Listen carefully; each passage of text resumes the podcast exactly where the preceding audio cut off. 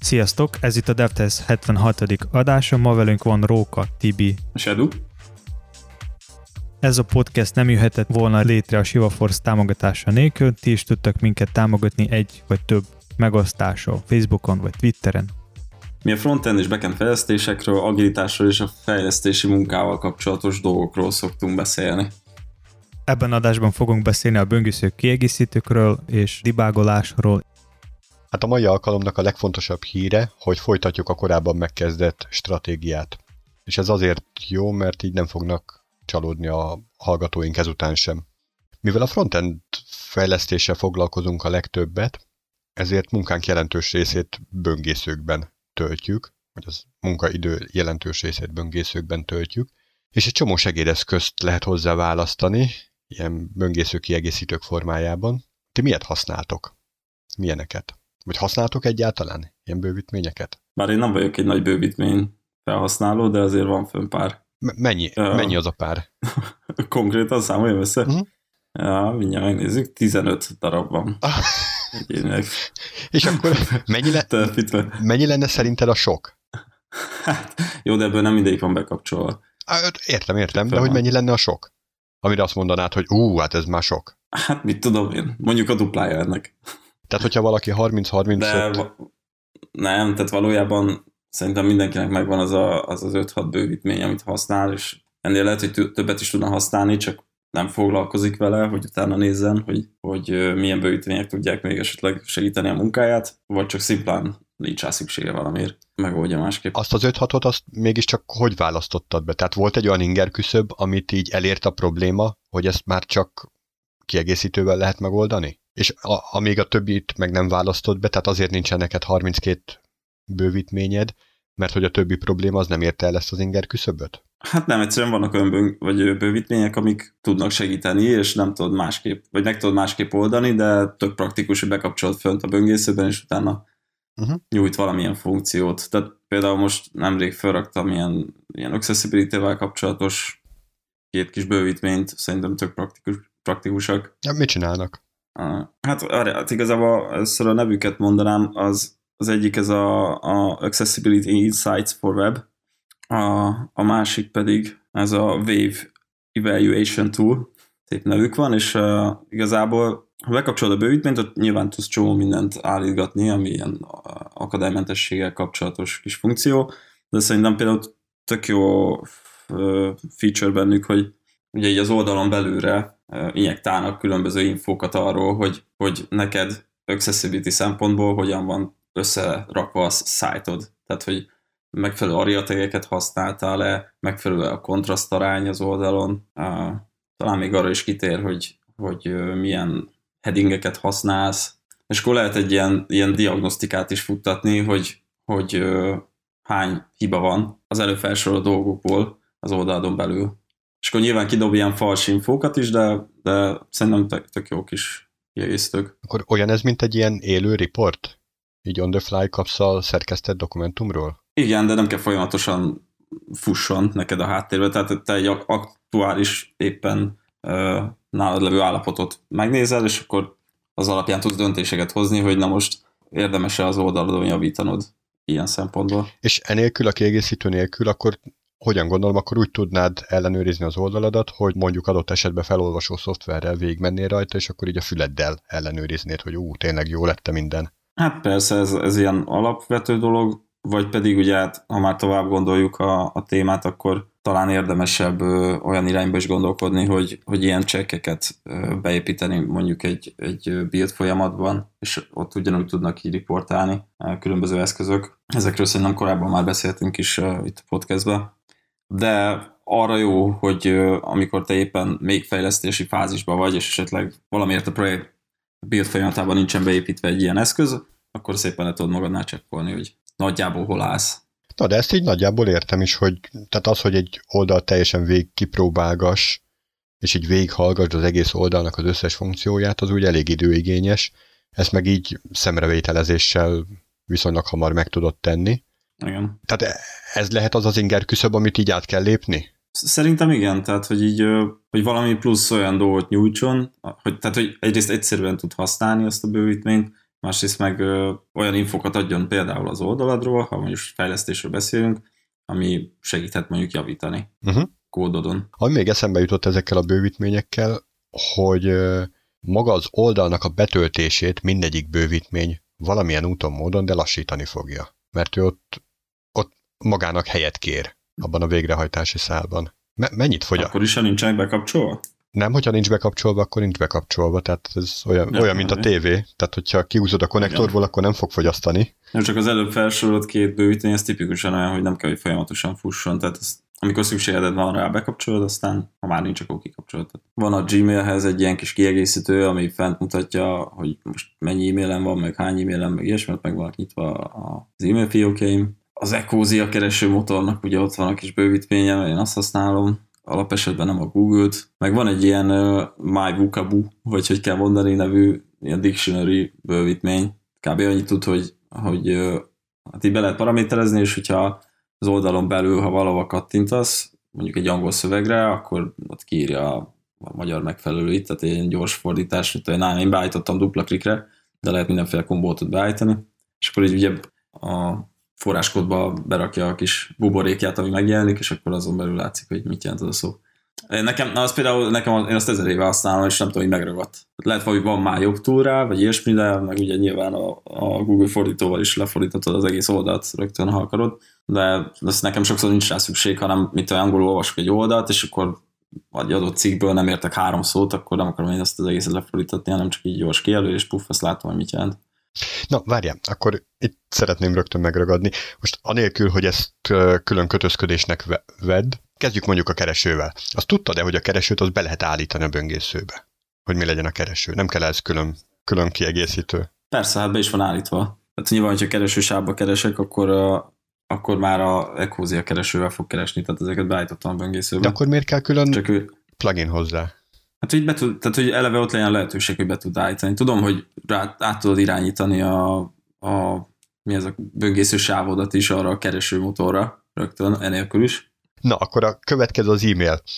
Azt nem tudom, tudtad-e, hogyha a levelezőt, hogyha Gmailről beszélünk, azt így böngészőben megnyitod, akkor ott például be lehet kapcsolni, hogy a title, nem is a title-be, hanem a favikomba kiírja, hogy hány leveled van. Hát igen, de akkor csak egy, egy e-mail fiókodat mutatja, ami éppen aktív. Hát a, Appa az ablakban. Amelyik nyitva van. De hogyha én hármat nyitok ki, Igen. akkor három van nyitva.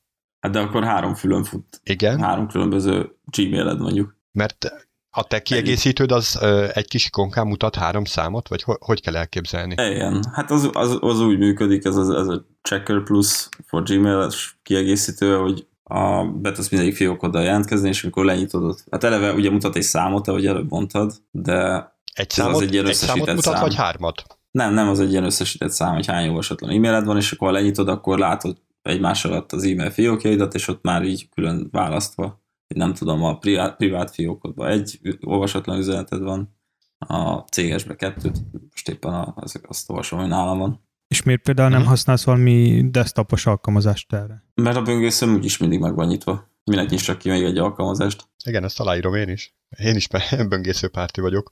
Erre majd még szeretnék visszakanyarodni, Tibi, úgyhogy ezt, ezt ne engedjük el ezt a Gmail-es témát. A, a harmadik, amit így felsoroltál, az az adblock. Nagyon nagy viták szoktak ezzel kapcsolatban lenni, hogy most fair vagy nem fair az, hogy ingyenesen használod az internetet, nem fizetsz az adott weboldalnak semmit azért, hogy te elérd az ő cikkeit, és még a reklámokat sem vagy hajlandó letölteni. Mit gondolsz erről? Az én nézőpontomból fair. Vagy én nem értem a kérdést. Tehát most nyilván a, nekem az jó, hogy nem kell például a Youtube-on folyamatosan reklámokat néznem, vagy hallgatnom. Na jó, de hát miből tartják fönn magukat? Érted? Szerintem ilyen 70-80 százalék bevétel az a, az a reklámból adódik. Miből még? Most komolyan. Szerintem, én, én amúgy szerintem meg kell változtatni a modellt. De amúgy a, a YouTube-nak például van egy fizetős verzió, és akkor ott nem fogsz látni. Ha hát igen. De uh-huh. így igazából sok ilyen forrás van, ahol kb. ugyanazt történt. Csak az a baj, hogy így, ha megnézzük nekem, mondjuk tegyünk fel például, hogy van a YouTube, azt nézek például, még van mondjuk, tegyünk fel, tíz oldal, amit szeretnék folyamatosan nézni, és hogy ha mindegyiknek fogok fizetni, nem tudom, 5 dollár, akkor, akkor csak azért fogok dolgozni, hogy nekik fizesek. Hát egyrészt, másrészt meg képzel csak el, hogy valami új témát szeretnél keresni. Még, még nem tudod, hogy milyen oldalakat fogsz, mondjuk nekiállsz építészettel foglalkozni, és akkor találsz 50 darab építészettel foglalkozó oldalt, elkezded őket nézegetni, és jön a töménytelen mennyiségű reklám. Tehát ez a modell ez szerintem egy kicsit sántít, hogy akkor mindegyiknek álljál neki fizetni, úgy is, hogy gyakorlatilag nem nagyon fogod őt nézegetni. Hát igen, most nem tudom, tehát szerintem ezzel így végfelhasználóként nem feltétlen kell foglalkozni most, akit zavar, meg aki, vagyis úgy mondom inkább, hogy aki szeretné támogatni ezeket a cégeket, mint például a Google-t, vagy a YouTube-ot. De nem csak ilyen nagyokat kell gondolni, hanem kicsi apró bakat is, akik mondjuk egy egyszerű fejlesztő, aki írt egy tök jó blogcikket, mert ő beás, beleásta magát abba a problémakörbe, amit, amivel neked is meg kell küzdened magadnak, és az ő cikke alapján tudsz haladni, viszont ahhoz, hogy az ő, ő szájtja az elérhető legyen, ő neki finanszírozni kell annak az üzemeltetési költségét. Hát igen, de aki ír egy jó blogcikket, az általában olyan fórumokon jelenteti meg, ahol, amit eleve olyan hát, témába érdeklődő emberek is olvasnak. Hát, vagy mondjuk van neki egy saját doménje, tegyük föl. Hm? Szerintem itt nagyon fontos megérteni ilyenkor, hogyha egy fejlesztő szeretné egy cikket írni, hogy mi a, a végső célja. Igen. Hát, hogy, hogyha és, és igazából ilyen cél az végtelen sok lehet, és hogyha te szeretnéd csak így random, mármint, hogy csak így írni valamilyen cikkeket, és majd, ha esetleg valaki meglátja, és majd, ha én kapok pár, nem tudom, dollárt ebből, az majd boldog is leszek. Tehát ennek így nincs sok értelme. Se a fejlesztőnek, se, se azoknak, akik fognak elolvasni. De mondjuk, hogyha sokkal nagyobb célja, célját hogy szeretne elérni a, a fejlesztő, például az, hogy jobb munkahelyet találni a cikkekkel, vagy, vagy megcsinálni valamilyen közösséget, ami, ami majd más cél, más dolgokon fognak foglalkozni, vagy, vagy híres szeretne lenni, vagy még valami, akkor, akkor ez így rendben lesz neki, és akkor neki az lesz, mint egy befektetés. Szerintem ez így rendben És van. akkor azt mondod, hogyha mondjuk ő híres akar lenni, akkor ne, ne tegye reklámot az ő oldalára, hanem így saját zsebből finanszírozza, és ne is akarjon, hogy visszacsöpögtessenek az ő olvasói? Hát attól függ, hogy ő milyen minőségű, meg milyen úgymond experience szeretne adni az ő felhasználóknak, tehát ez nyilván ettől függ. Ha szeretne, hogy legyen uta reklám, akkor legyen uta reklám. Na, és akkor vissza is kanyarodunk Tibihez. Tibi meg nem fair játékos, zárójelbe hozzáteszem, hogy én sem egyébként, mert nekem is fönn van az adblock, sőt három is fönn van belőle, de hogy ö, ilyen szempontból nem vagyunk fair mert hogy ő ott adja a saját tudását gyakorlatilag ingyen, illetve úgy ingyen, hogy rátesz egy kis reklámot, hogy abból neki pár cent jusson, és még azt sem vagyunk hajlandóak letölteni, vagy rákattintani, vagy valami. De honnan tudod, hogy ő mondjuk nem másolta le a cikket, és rakta a saját blogra? Nem tudjuk, nem tudjuk. És akkor ebből szempontból ő is nem fair játékos. Hát, hogyha éppen másolta, és hogyha ő a saját kútfőből szedte. És, és, és, és mondjuk, hogyha felmentél egy, egy, egy oldalra, ahol mondjuk a cím az még talán értelmes lehetne, de a tartalom nem annyira. Hát igen, ez... De annyira nem, nem értelmes, hogy kiröhögtök ott, és akkor így most... Oké, okay. tehát ennek így előre letiltottad a reklámot. Hogyha mondjuk találsz egy olyan cikket, aminek a címe alapján úgy rákattintasz, hogy hát ha jó lesz, és utána nagyon pozitívan csalódsz, akkor bekap, vagy kikapcsolod a reklámblokkolót? Hogy na jó, hát ez, ez annyira jó volt, hogy akkor letöltöm a reklámokat neked? Csináltál már ilyet? De figyelj, bocs, hogy közbeszólok, de szerintem tök nem reális. Tehát most most milyen reklámra gondolsz ez alapján? Tehát van valakinek egy saját blogja, fejlesztői blogra, oda mindenféle tapasztalatot leír, és akkor mi, mi a reklám, hogy ő mondjuk írt egy könyvet, és akkor azt a könyvet egyébként meg is vásárolhatod tőle? Vagy hogy regisztrálja az oldalára, és akkor cserébe kapsz egy ilyen, nem tudom, megkapod ezt a könyvet, amit előbb mondtam? Vagy milyen típusú reklámra gondolsz? Hát valamilyen Google AdSense, vagy valami akármilyet. Tehát, hogy valamilyen reklámszolgáltató oda teszi a látogatónak a, a korábbi érdeklődési köre alapján vonatkozó reklámot. Tehát, hogyha mondjuk ez a látogató ez nagyon sokat ö, keresett korábban vízvezeték szerelési témában, akkor egy, mert mondjuk éppen fürdőszobát újított fel, akkor hiába, hogy programozós cikket olvas, akkor ott fürdőszoba reklámot fog látni. Tehát ilyenre. Hogy Tehát nem, nem ilyen fizetett banner helyre gondolok, mert az már egy, megint egy másik kategória. Amúgy ez nagyon rontja a felhasználó, vagy a user experience, mikor tehát nekem például van egy, egy ilyen újságos alkalmazás iPad-en, és össze van gyűjtve ott, nem tudom, fejlesztői, meg tech cikkek, meg egyéb más, és akkor mondjuk, ha érdekel engem valami milyen cég, akkor cikk, akkor átmegyem a izét, tehát átnavigál a weboldalra, és igazából a cikkből ott hát ilyen, nem tudom, 200 szó van, és mellette körbe nem tudom hány száz reklám van. Uh-huh. És ez így, így, így nekem, tehát hogy kell kikeresni a reklámból, hogy mi az a tartalom, amit engem érdekel. Ez így szerintem nem biztos, hogy jó. Egyetértek egyébként. Na, Edu, egy kicsit visszakanyarodva arra, hogy modellváltásra lenne szükség. Most így látatlanban meg, tehát nincs ilyennel kapcsolatban tapasztalatom, de nekem az az érzésem, hogy így ilyen beágyazott reklámokkal igazán nagy bevételre csak akkor lehetne szert tenni, hogyha ilyen százezeres vagy milliós látogatottságunk van. Hát én is így gondolom. Én is így vagyok vele, azért kérdeztem előbb, hogy most itt ezzel kapcsolatban mire gondolsz, mert ez a pár cent pont semmit nem számít egy kevésbé felkapott bloggernek. Hát azért gondolj bele, hogy mit tudom én, van egy pár ezer forintos üzemeltetési költsége, és akkor abból jut is marad is, vagy hogyha tényleg kicsit felkapottabb, akkor lehet, hogy megtérül. És akkor már nem mínuszba megy, hanem, hanem kvázi ingyér osztja az észt. De ilyen alap... Na jó, csak... csak... Igen, tehát, hogyha, tehát ha ilyen bevételed van reklámokból, akkor én már azt is meggondolnám, hogy megéri egyáltalán reklámot rakni csak ezért az oldalamra. Érted? Mert az azért az elével befolyásolja az egész oldalnak a, a kiállását, a megjelenését, hogy te reaggatod reklámokkal. Hogyha nincsen megfelelő bevétel belőle, akkor teljesen fölösleges ilyen reklámok. Meg szerintem, aki blogot ír ilyen fejlesztői témában, de nem muszáj még fejlesztőről beszélni, csak ha előbb ezt mondtuk, ott, ott kevésbé megy a bevételre az, hogy ő most leírta egy jó tapasztalatát valamivel kapcsolatban. Tehát ott szerintem inkább a, arra megy a dolog, hogy a neve úgymond fényesebb legyen. körébe, hát ja, igen, tehát ismertebb lehessen adott esetben.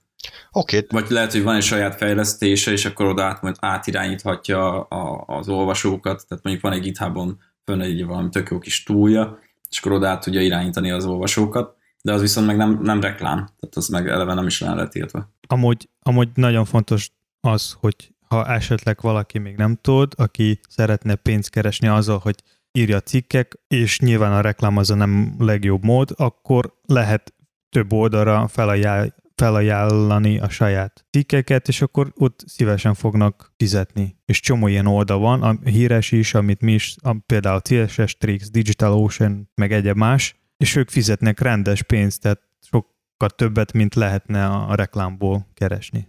Tehát akkor szóval, az a konklúzió, hogyha, hogy, hogy az adblock az jó. Hát szerintem, szerintem mivel nincs rendesen ez kontrollálva, hogy milyen reklámok legyenek ott, és, és az emberek inkább össze-vissza rakják, akkor, akkor így nem, nem jó tapasztalatot adja meg ilyen oldalakat használni, vagy ilyen módon. Azért szerintem hát ez a megoldás született, hogy kell egy ilyen adblock. Ha lenne, ha lenne valami normális megoldás, mint például mondjuk az kicsit ami YouTube-on szerintem kicsit jobban belefér, azt szokták csinálni, hogy van egy ilyen úgy nevezett integrált reklám, amikor csak egyszer belemondják ott a műsorban, hogy most van egy ilyen bla bla bla, és akkor bla bla bla használtak, mert ez tök jó dolog. Tehát, hogy ilyenfajta reklám, és, és ez csak egyszer van, vagy többször, de az nem annyira zavaró, mert ez be van integrálva a videóban, mintha lenne a videónak egy része. Na oké, most játszunk el egy kicsit a gondolatkísérlettel, hogy mi lenne, hogyha most így a DevTales adást meghallgatja az egész világ, és mindenki vakon követi a mi tanácsainkat, és feltelepíti az adblockot, mert a Tibi azt mondta, hogy jó. És soha többé senki semmilyen reklámot nem látna. Egyrészt mindenki tök boldog lenne, hogy wow. Tehát így felhasználói szempontból, hogy hú, így is lehet internetezni, hogy nincsen tele izgő, mozgó, oda nem illő dologgal az egész weboldal, és nem kell kiválogatni a hasznos tartalmat a sok kéretlen dolog közül. Tehát egyrészt ezt a szempontot, ezt így tökre aláírom. Másik oldalról képzeld el, mondjuk, hogyha már a sokat emlegetett YouTube-ról beszélünk, azt a mérhetetlen mennyiségű tárhelyet, azt miből finanszírozza a bárki is? Én nem tudom, miből jön, pontosan a Google-nél a Hát a reklámból. Bevétel a YouTube irányból. A reklámból, de... persze, hogy a reklámból. Hát valószínűleg a nagy részét igen, azt teszi ki. Hát legnagyobb rész szerintem ott a, szponz, a videónak a szponzorja nem fog, nem fizet semmit YouTube-nak, úgyhogy igen, és mi a kérdés?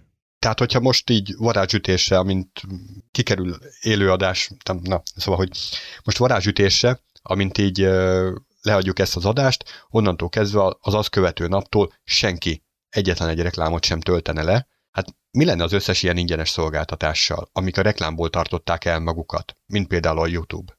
De ilyenkor szerintem akkor megváltozik a modell, és, és más, hogy fognak találni, hogy fognak tudni keresni a pénzt. Másfajta reklám lesz. Tehát, hogyha nem lehet reklámot használni, akkor másfajta reklám lesz. Hát, az hát csúnya világ. Biztos valami, Hát valami biztos más mód lesz ennek az egésznek, viszont vannak már olyan oldalak, már régóta is, amik tudnak figyelni, hogy ha használsz az adblocker vagy sem, és ha használsz, akkor nem fog téged tovább engedni. Igen, nagyon sok ilyen oldal van. Egyébként Róka szerintem az történne, hogy, hogy lefejlesztenének egy adblockot az adblockra. Hát ez az, amiről Edu is beszél, hogy vannak már ilyen oldalak. Jó, hát és igen, oldalon amúgy, belül, igen, de hogy Amúgy ennek szerintem a következő lépése lesz az, hogy ilyen oprendszer szintű lesznek az adblockok, tehát hogy nem a böngészőbe, hanem az egész oprendszeren fog futni, és akkor nem fog engedni a kéréseket, de és talán a következő lépés a reklámgyártókból, hogy valami beépített reklám lesz, vagy proxizva a saját szerver, vagy a saját domén alatt, vagy nem tudom. Én például nagyon hiányolom, hogy routerben nem lehet adblockot tenni. Nyilván ez azért van, mert hogy a sokkal alacsonyabb szinten kezeli a router a TCP csomagokat. De ha jól tudom, vannak ilyen routerek, vagy legalábbis, legalábbis én valami is még hallottam. Na akkor majd ilyet kérek karácsonyra.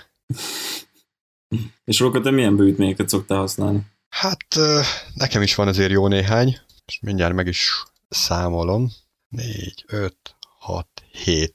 7x3 az 21. Egy van. 21 darab bővítményem van, ebből összesen most 5 van bekapcsolva. Há- három adblokkos van, mert egyébként tehát én, is, én is nagyon ellene vagyok az összes reklámnak, mert tök kéretlen dolog. Még rosszabb, mint Tibi. Igen. Na jó, csak egy kicsit próbáltam, tehát hogy ne nagyon egyforma véleményen legyünk. Akkor van az adott keretrendszerhez kapcsolódó, ilyen JavaScript-es keretrendszerhez kapcsolódó bővítmény, ami segíti a, annak a kezelését. Ilyen van, saját bővítmény van fölrakva, amit így szoktam használni. Ezek... Na, és ez mit tud? Ez most a reklám helye. ez most a reklám Aki nem helye. használni, az rakja fel egy blokkot. Igen, ez nem, nem reklámot blokkol, hanem ez azt tudja, hogy lorem ipsum szöveget tud generálni, viszont nem a, azt a hagyományosat, ami a latin szöveg, hanem ennek egy magyarosan kinéző változatát. Ez a lorum ipse. És ezt mire használod, azt a bővítményt? Hogy mi, mit tud, mit, mit csinál? Ez azt tudja, hogy ahol éppen áll a kurzor, ott be tudja szúrni egy ilyen random szöveget, ami úgy magyarosnak hat. Ugye csomószor van olyan, amikor ö, egy weboldalt készítünk, egy portált, vagy ö, valami hasonlót, akkor még nem tudjuk, hogy milyen végleges szöveg lesz az adott helyen, de ki kéne tölteni egy-két bekezdést valamilyen szöveggel, és azért az tökre nem lenne jó, hogyha valami olyan szöveg kerülne bele, ami vagy kompromittáló, vagy, vagy konkurenciához tartozik, vagy, vagy akármi miatt elfogadhatatlan. Ezért szoktunk ugye a ipsum irányába, ilyen vakszöveg irányába fordulni. Csak ugye ennek meg az a hátulütője, hogy magyarok vagyunk, hogyha Magyarországra fejlesztünk, akkor ezek a ékezetes, meg kötőjeles, meg magyar helyesírás szabályai így úgy vannak, ezek úgy nem jönnek azért elő, és nagyon sokszor van az, hogy szépen néz ki a dizájnon, megtervezve, de hogyha egy szó, vagy egy kötőszóval többet írunk bele, akkor már így nem illik össze, így kicsit szétesik, meg szóval kell rajta gondolkodni. Na ez meg az, pont azt tudja, hogy ilyen magyaros szöveget tesz be.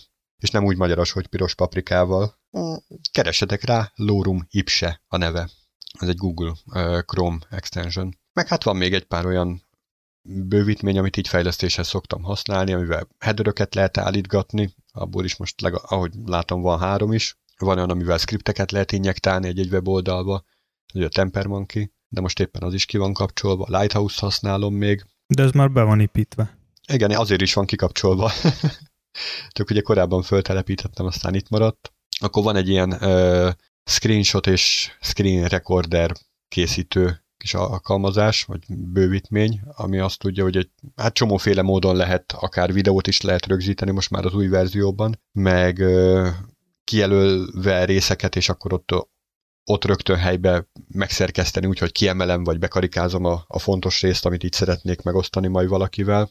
Vagy akár olyat is tud, hogy az egész oldalt, ami akár több ezer pixel is lehet, az egész oldalt így le screenshotolja. Szóval én ilyeneket használok. Azt is egyébként a DevTools-ból már meg lehet csinálni. Igen? Uh, Na. Nem tudom, szoktatok-e azt használni? Nem. Mond, hogyan? Hogyha, mindjárt mondom, hogyha bekapcsolod a a DevTools-on belül van ez a device toolbar, azt hiszem azon, hogy tudod, amikor lehet uh, Igen? emulálni különböző eszközöket. Shift Control M. Mobil eszközöket. Igen, és akkor, ha jól emlékszek, aha, ott van a, van a jobb felső sarokban három pötty, ez a fala felmenü, és ott van olyan, hogy Capture Screenshot, Capture Full Size Screenshot, és akkor az így szépen csinál neked képet a, a teljes oldalról. Na, már, már szedem is le azt a bővítményt. De ez nem, ez, ja, hogy úgy, aha, igen. Az enyémet. Tehát, hogy alapból tudja már a, igen, igen, tehát alapból tudja már a böngésző. Uh-huh. Hát ugye nem csak a screenshotot tudja egyébként ez, hanem mondom, így ki lehet emelni, tehát mint egy ilyen ö, filctollal, tudod, milyen kiemelő filctollal így át lehet satírozni, hogy akkor ez a fontos, meg bekarikázni, hogy akkor ide kell figyelni, meg nyilacskát rajzolni, meg téglalapot, meg karikát, ja, ja. meg ilyeneket. Hát azt meg Photoshopban rárakod majd. Majd pont Photoshopot futtatok ezért. Egyébként figyelj, én múltkor nem volt fönn a Photoshop, és uh, rákerestem, hogy online Photoshop. És van. és, és hát jó, nyilván nem official, de hogy uh, az a neve, hogy Photopeo, Photopi, nem tudom, hogy hogy kell pontosan mondani, de konkrétan ugyanaz a felület kb., mint a Photoshopnak a felülete, és hát amire nekem kellett, én kb. mindent meg tudtam oldani benne tudod, amit így Photoshopban is meg lehetett volna. Tehát ez egy konkrétan egy elég összetett webes alkalmazás. Teljesen jó. Szinte minden ott van az interneten már. Ja. Na és Edu, te miket használsz? Hát igazából nekem ami fejlesztéshez kell, vagy szoktam használni, abból van három. Az egyik, ami a Vue-s keretrendszerhez kell, aztán az egyik, ami tud állítani a headereket, még egy másik, egy ilyen requesti nevű plugin, ami, amelyikkel lehet beállítani átirányítások. Például, ha szeretnék, ha azt szeretnék, hogy valamelyik meglévő weboldalon az én lokál gépből JavaScript-et, vagy is vagy valami más fájlt, akkor ezzel lehet így átirányítgatni. Van egy, blok, egy blokker is, nekem is, és, és egy ilyen tick gyűjtő extension. Akkor te elég szolid. Jó, nem, amúgy nem nagyon szeretem valamiért nekem így, így out of comfort zone. Mármint tudok használni, csak én nem, nem tudom, nem nagyon megszoktam ezt. Na, amit még szerettem volna kérdezni, és mind a kettőtökkel kapcsolatban, ugye Tibi, te megadtad a Gmail-es hozzáférési adataidat egy ilyen böngésző kiegészítőnek, Edu, ja, ja. pedig nem tudom, hogy tudod-e, de például ez, amit említettél, ez a Requestly, ez úgy működik, hogy az összes kérést ez a, a Requestly szerveren keresztül fogja átproxizni. Ez azt jelenti, hogy ha véletlen bekapcsolva hagyod, és neki állsz banki tranzakciót művelni, akkor az is ott átmegy. Akkor töröltem. Szóval, hogy adatbiztonság. Mit gondoltok erről? Hát ez hát nem biztonságos. Nem. Így nem paráztok, hogy... Szerintem, a, szerintem most leszámítva azt, amit előbb mondtál, hogy, hogy te konkrétan adatokat adsz meg direkt vagy indirekt módon egy ilyen bővítménynek, a legtöbbször a adatlopás kapcsán mostában mindig a bővítményeket hozzák fel. Úgyhogy ö, szerintem így most a, a böngészős világban a, a, a bővítmények a bővítményeken keresztül érkező sebezhetőség, vagy nem tudom, hogy hogy fogalmazzam meg a, a legnagyobb súlyú manapság. És hogy lehet ezzel ellen védekezni? Ne használjunk bővítményeket? Vagy használjunk, hát. csak code review-zunk közbe? És ha nem értünk hozzá, vagy érted? Hát valószínűleg szerintem erre az lehet a megoldás, hogy olyan bővítményeket használjunk, amik mögött mm, valamennyire visszanyomozható, visszanyomozható, hogy ki a, a, a tulaja ennek az egésznek. Mert azért egy ilyen no-name bővítményt, ha fölraksz valamilyen célra, annak, annak lehet, hogy rossz vége lehet. Képzeld el, a Chromehoz úgy kell bővítményt feltenni, hogy beregisztrálsz a kis e-mail címeddel, amit nyilván előtte hoztál létre, viszont ki kell fizetned valamilyen kis összeget, azért, hogy te csatlakozz a bővítménykészítők csapatához. Innentől kezdve megvan a Mhm. bankszámlaszámod, és egy bankszámlaszámot azt nem csak úgy osztogatnak, hanem az személyhez köthető. Tehát onnantól De azt a, azt a Google-nek adod meg. Igen. Tehát innentől Mhm. kezdve visszanyomozható, hogy akkor ez a bővítmény ez melyik emberhez tartozik, Uh-huh. ki az, aki ezt elkészítette. És nyilván lehet vele trükközni, hogy ilyen fiktív bankok, vagy nem tudom, hogy Hát igen, vagy fiktív, nem fiktív emberek, de olyan vagy felbérelt emberek számláik igen, igen, igen. keresztül. De ettől függetlenül, tehát így egy kicsit biztonságban érezheted magad, de ettől függetlenül ott vannak az adataid. Nem parázol tőle, hogy az e-mailjeidet nem csak te olvasod, hanem ez a bővítmény is? És ha csak a bővítmény, de hogyha még a bővítmény szerzője is. Én speciál nem, de nyilván van mögötte veszélyfaktor, tehát hogy lehetne ilyen miatt izgulni, de szerintem ugye, hogy egy klasszikust idézek, amint fölmész az internetbe, már rögtön kiadod minden adatodat. Teljesen mindegy, hogy mit csinálsz. Úgyhogy szerintem ez vele járó. Tehát azzal, hogy egy ilyen nagy online hálón vagyunk összekötve, azzal megszűnt a magánélet. Félig meddig igen, szerintem. Edu, te, hogy mit gondolsz erről a témáról? egyrészt fontos a maga felhasználónak figyelni, a másrészt szerintem nagyon rossz az, hogy a Google, vagy ha nem csak a Google, hanem ahol létezik ilyen hasonló kiegészítő store, hogy ott nincs erre valami fajta review. Tehát nyilván, ha lenne, akkor sokkal több id- időt tartana kirakni egy ilyen bővítmény, de így, Van, így van. igazából, hát jó, csak nem Akkor- ilyen erős. Tehát A Chrome-nál biztos, hogy van, mert mondom, nem olyan rég töltöttem fel az én kis kiegészítőmet, és így hát most nem emlékszem pontosan, hogy egy hét, vagy, vagy még annál is többe került, de hogy egy csomó időbe telt, még elbírálták, és külön meg kellett indokolnom, hogy miért van szükségem erre a jogosultságra, meg arra a jogosultságra, meg amarra a jogosultságra. amikor én csináltam és töltöttem fel, akkor en, nekem nem volt ilyen, de lehet, hogy nekem kicsit másfajta bővítmény volt, és azért nem kérdezték, de hogy így, így ha kikerülnek olyan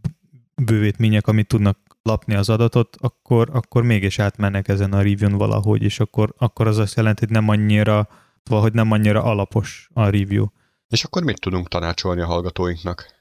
Ne használjon senki soha többé semmilyen bővítményt? Hát lehet, hogy úgy kell csinálni, mint a, a Gergő mesélte nekünk a, az előző podcastben, hogy kell, hogy legyen egy külön gép, és ahhoz a géphez te úgy tudsz eljutni, hogy hozzad oda a pendrive-ot, és akkor ott tesztelsz azon a gépen. Ezt egyébként alkalmazzák, tehát több magyar cégnél is láttam ilyet. Tehát, hogy lesz egy külön gép, ahol akár az összes bővítmény is lehet feltelepíteni, vagy bármilyen, és akkor mész oda pendrive-val, vagy CD-vel, vagy mit tudom, valami külső kütyővel bedugsz, és akkor ott tesztelsz, aztán visszamész saját gépre, és akkor ott, ahol már ilyen extension free böngészőket használsz. Hát azért ez egy kicsit macerásnak hangzik. Kicsit biztonságosabb. Egy kicsit. Többször beszéltünk a refaktorálásról, mindenféle libekről, meg hogy érdemes fejleszteni, meg hogy érdemes bármit is kiválasztani, de én például nem emlékszem, hogy beszéltünk-e a debugolásról. És szerintem ez eléggé fontos téma, mert néha a debugolás az sok idő tud elvinni, sőt, soknak is, sok fejlesztő nem is tudnak, hogy miből kell indulni. És ti nem, mert ez már szétrokkoltunk meg eddig is. És akkor ti mit gondoljátok, hogy mennyire fontos a debugolás, és mennyire fontos ezt mondjuk megtanulni valahogy? Szerintem a, ami nagyon fontos a debugolással kapcsolatban, hogy azért fontos jól megtanulni, mert ha képbe vagy vele, hogy milyen eszközeid vannak, akkor és ismered is, hogy hogy kell a, azt jól használni, mármint olyan értelemben, hogy hogy kell jobb debugolni, ugye egy szóval, akkor elég gyors, tehát sokkal jobban felgyorsíthatod a munkádat, mint hogyha ezekkel nem vagy tisztában, és, és csak nyomozol a semmiben, úgymond.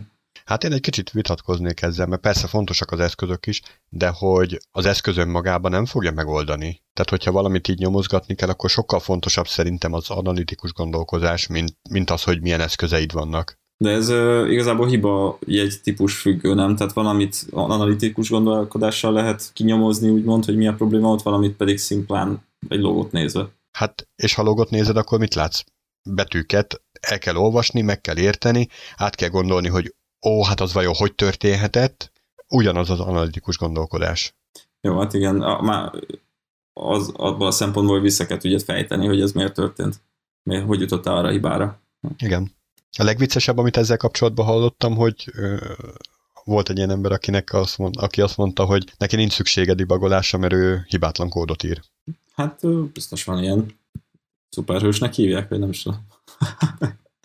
Hol lehet szerintetek tipikusan elakadni dibagolás közben? Hát bárhol. Rögtön az elején, hogy Jó, úristen, hát ne, nem az történik, mint amit én szerettem volna, jöjjön valaki segíteni. Jó, tehát ha mondjuk a, a böngészőben egy funkció nem működik az alkalmazásodon belül, akkor hogy, hogy indulnál el? Vagy elkeressel az oldal?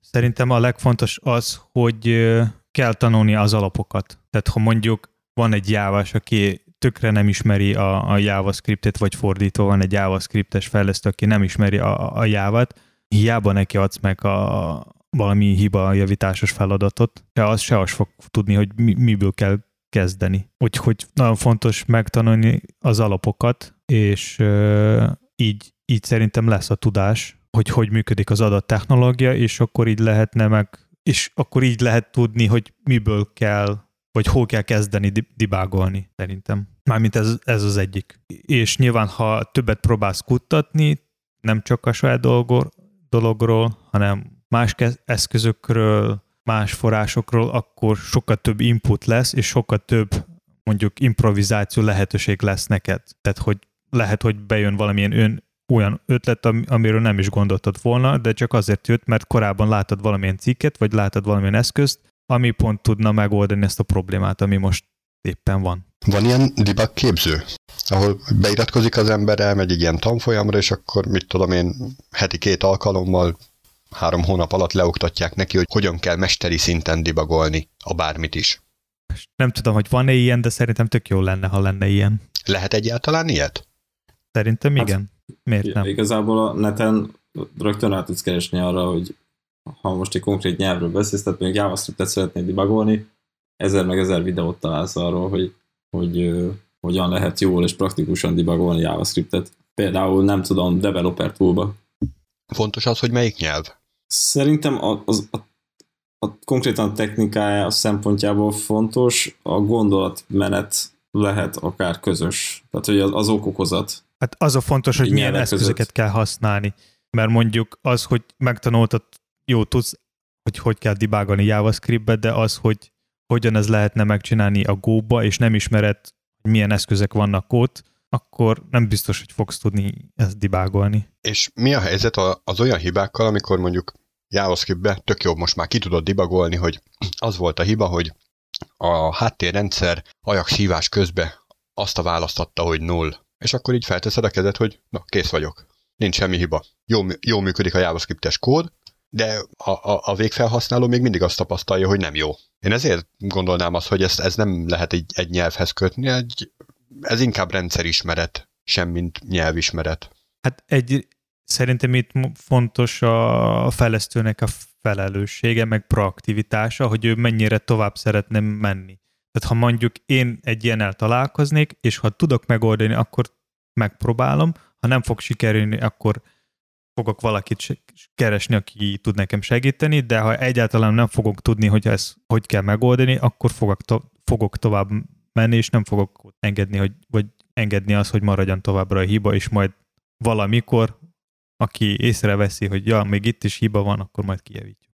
No, de hogy, tehát az előbb arról beszéltünk, hogy ha van ilyen iskola, akkor tök jó meg fogják ott tanítani, hogy hogyan kell JavaScript-ben debugolni. De hogy ez nem lesz elég, mert kell hozzá még millió egymás területet is érinteni. Mondjuk, ha a fejlesztő azt se tudja megtalálni, hogy, ho- hogy hol van a hiba, melyik legalább az, hogy melyik irányban, akkor, akkor így mit? Akkor mindenkit meg kell hívni, minden kompetenciát, vagy és mindenki egyszerre debugoljon? Tehát valakinek mégis...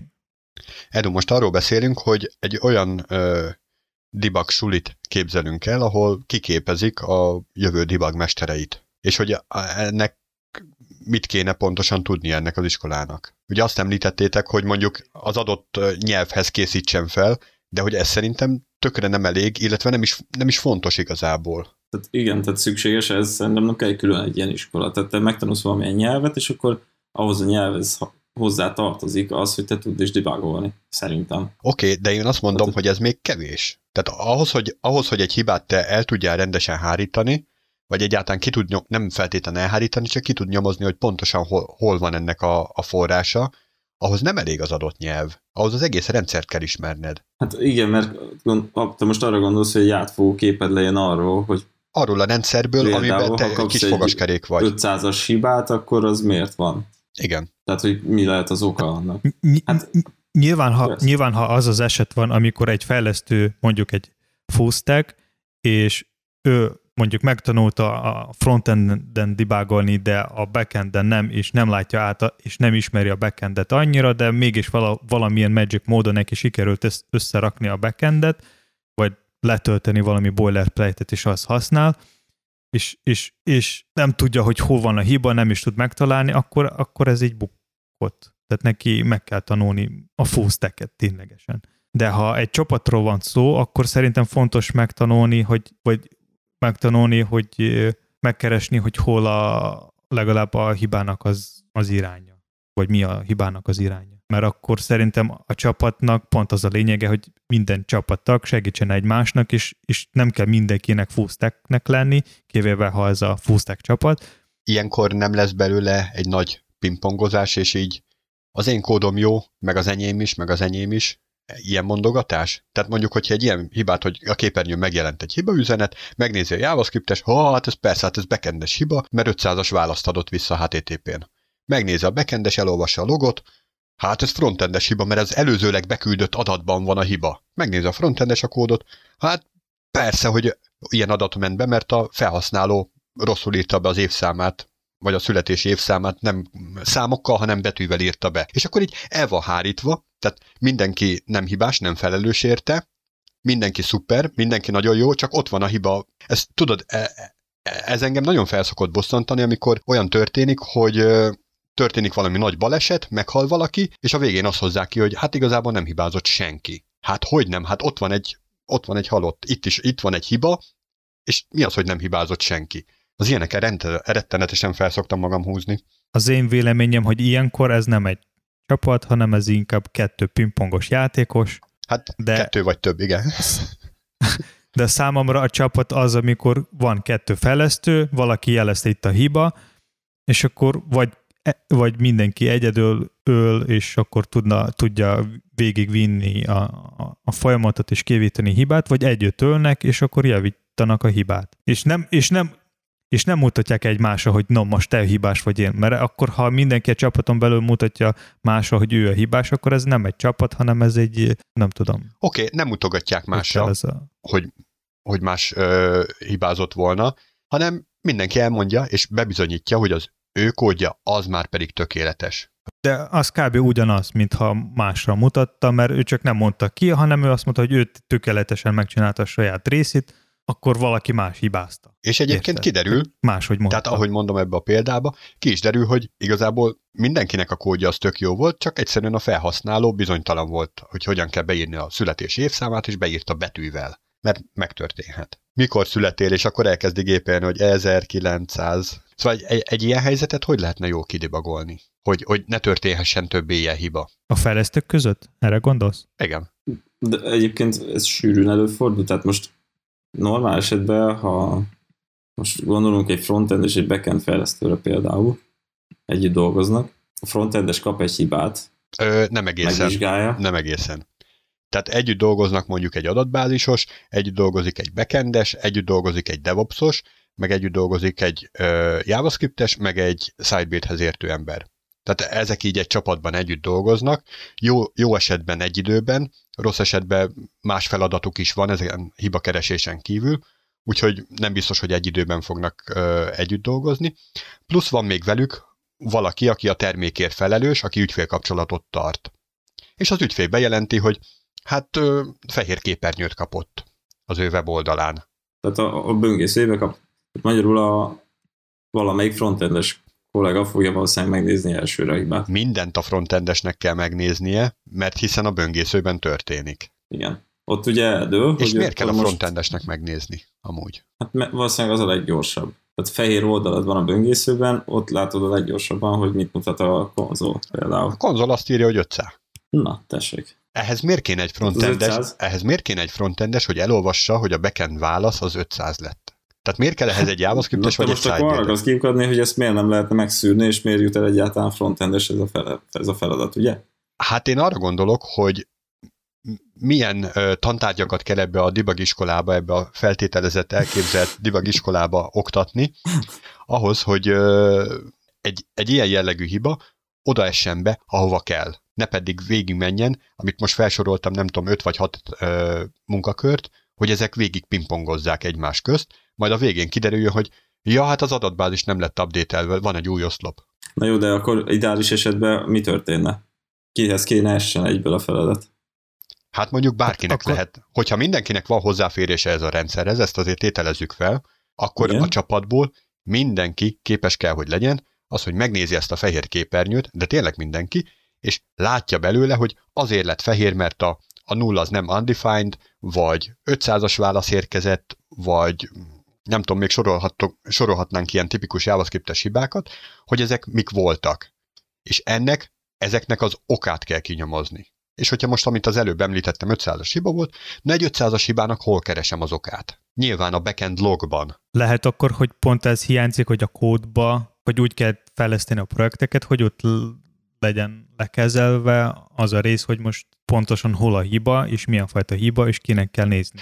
Ezek egyébként benne szoktak lenni a stack részben, hogy, hogy hol a hiba, meg honnan jöttünk. Igazából... Hát jó, csak mondjuk sokszor, sokszor én azzal találkoztam, hogy backendről jön az, hogy field valami neve és error. Ennyi. Ja, hát most honnan tudjam, hogy, hogy ez most a frontend hiba, vagy a backend hiba? Uh, igen, tehát itt jön az a dolog, hogy hogyha valami backendbe sejtek valamilyen hibát, akkor a backend logot e- meg kell nézni. El kell olvasni, és az lehet, hogy furcsa nyelven íródott, vagy nem vagy hozzászokva, és akkor ott az valamennyire értelmezni kell. Azért mindannyian próbálunk olyan logokat ö, produkálni magunkból, ami segíteni fogja a, a kollégáinkat, vagy akár saját magunkat is. De hogyha valaki el se jut odáig, hogy az adott rendszernek a logját megnézi, hanem csak rögtön tovább pattintja, pont úgy, ahogy Tibi tette volna, hát ez egy frontendes feladat. Fehér oldal, frontend. Megnézi a frontendes 500-as oldal. Hát ez a backend. És már pattog is. És kinek kell nézni bármilyen logot? Vagy kinek kell akkor ilyen esetben neki állni bármit Szerintem az, nézni, az egész egy... csapat összes tagja képes kéne, hogy legyen erre. Akkor, Úgy az ügyfél kapcsolattartó, ilyenkor... tehát már akár az ügyfél kapcsolattartó, aki, aki telefonon beszél mondjuk az ügyféle, hogy jó, fehér oldalt kaptam, semmi gond, mindjárt nézem. Vagy hogyha éppen nem ér rá, és körülnéz, hogy a csapatából ki az, aki ráér, akkor szól a nem, adatbázisos embernek, hogy figyelj, Jóska, rá tudnál nézni? És ő rá tud nézni, és megnézi a fehér oldalt, el, meg tudja nézni a HTTP requestet, látja, hogy 500, akkor tudja, hogy a backend logba kell keresni, ott elolvassa az exception ott meg észreveszi, hogy azért lett exception, mert nem tudom, amit mondtam, hogy nincsen új adatbázis oszlop, és akkor helyben vagyunk. És lehet, hogy csak a, mert lehet, hogy csak annyi lesz a hiba, hogy régi verziót néz az ügyfél, és egy újabb verziót, újabb csomagot kellett volna kirakni. Akkor az azt jelenti, hogy minden fejlesztőnek, aki mondjuk fejleszti a webalkalmazások, kell ismerni az egész, valamilyen szinten ismerni az egész teket. Tehát nem csak valakinek mondjuk egy site buildernek csak a HTML meg a CSS, hanem neki kell HTTP-ről, meg szóval, hogy szóval nem csak a HTML meg CSS ismerni, hanem minden más is, meg ez mindenkit érint. A JavaScript hát fejlesztő. legalább nagy vonalakban Ma... igen. Tehát nem kell kódot olvasnia ott, de azért értenie igen, kell, hogyha, hogyha azt írja ki, hogy nem tudom, socket timeout exception, akkor ott ne dobja már el magát, hogy jaj, mi ez? Hát meg igazából, hogyha egy csapatként működik ez a előbb felsorolt jó pár ember, akit mondtál, vagy kompetencia, akkor eleve a hiba egy is úgy esik be, hogy, hogy, hogy? Le van írva, hogy oké, okay, fehér oldal, mindenki a problémakört, igen, és, és utána már mit én adott esetben rögtön együtt megnézik, hogy akkor mi van, és ott már egy ki is derült, tehát nem kell itt ilyen mindenféle e-mailezgetésbe bele, belemenni. Hát persze, csak normál esetben. Csak COVID-19, meg home office, meg nem tudjuk együtt nézni, meg nem ér rá az adott kolléga, mert egy másik sürgős tiketet old meg éppen, tehát nem biztos, hogy ez így fog együtt fog úgy működni, hogy egy, egymás mellett ülünk, és Tibi néz rá a monitoromra, Léci. És hogy lehetne inspirálni a, azokat a csapattársaikat, aki mondjuk azt gondolják, hogy nekik nincs sok értelmet, sok értelmet tanulni azt, amíg ők gondolják, hogy nem érinti őket? Hát nem tudom, egy ilyen ö, support esemény azért tök jó sikerélményt tud adni az, hogy sikerül kinyomoznod, hogy mi volt a baj, rá tudsz mutatni, hogy itt van a probléma, itt kell kijavítani. Független attól, hogy melyik területhez tartozik. Hát jó, de mondjuk van egy frontend, és azt mondja, hát engem nem érdekel, hogy történik ott a backenden, engem az nem érint, nem is szeretnék azzal foglalkozni, ott a backendes javítsa ki, vagy nézze ki ő. Persze, ő fogja kijavítani, csak hogy ezt így előfeldolgozni, hogy ne legyen az a fajta pingpong, amit az előbb említettem, azt szerintem simán meg lehet tenni. Hát igen, csak hogy lehetne ilyen fejlesztőket motiválni? Hát, Mert érted, hogy az, hogy, az, hogy, az, hogy így siker élmény, meg ez tök szép szó, vagy mondat, Figyelj, hogyha ennyire, ennyire ilyen nem érdekel fejlesztő, akkor nem biztos, hogy szeretnék vele dolgozni. de tök jó csinálja dolgokat Hát e, saját területen. jó, csak érted, tehát, hogy nincs benne az a fajta szemlélet, hogy most egy terméket készítünk, nem pedig csak egy, egy fogaskereket forgatok, mint állat. Én inkább terméket szeretnék elkészíteni, tehát egy ilyen nagy dolgot, mint sem, hogy egy, egy pici fogaskereket nagyon szépen, nagyon jól becsiszolva és nagyon, nagyon szuperül néz ki, csak lehet, hogy az a fogaskerék az nincs is bekötve az egész hálózatba. Vagy érted?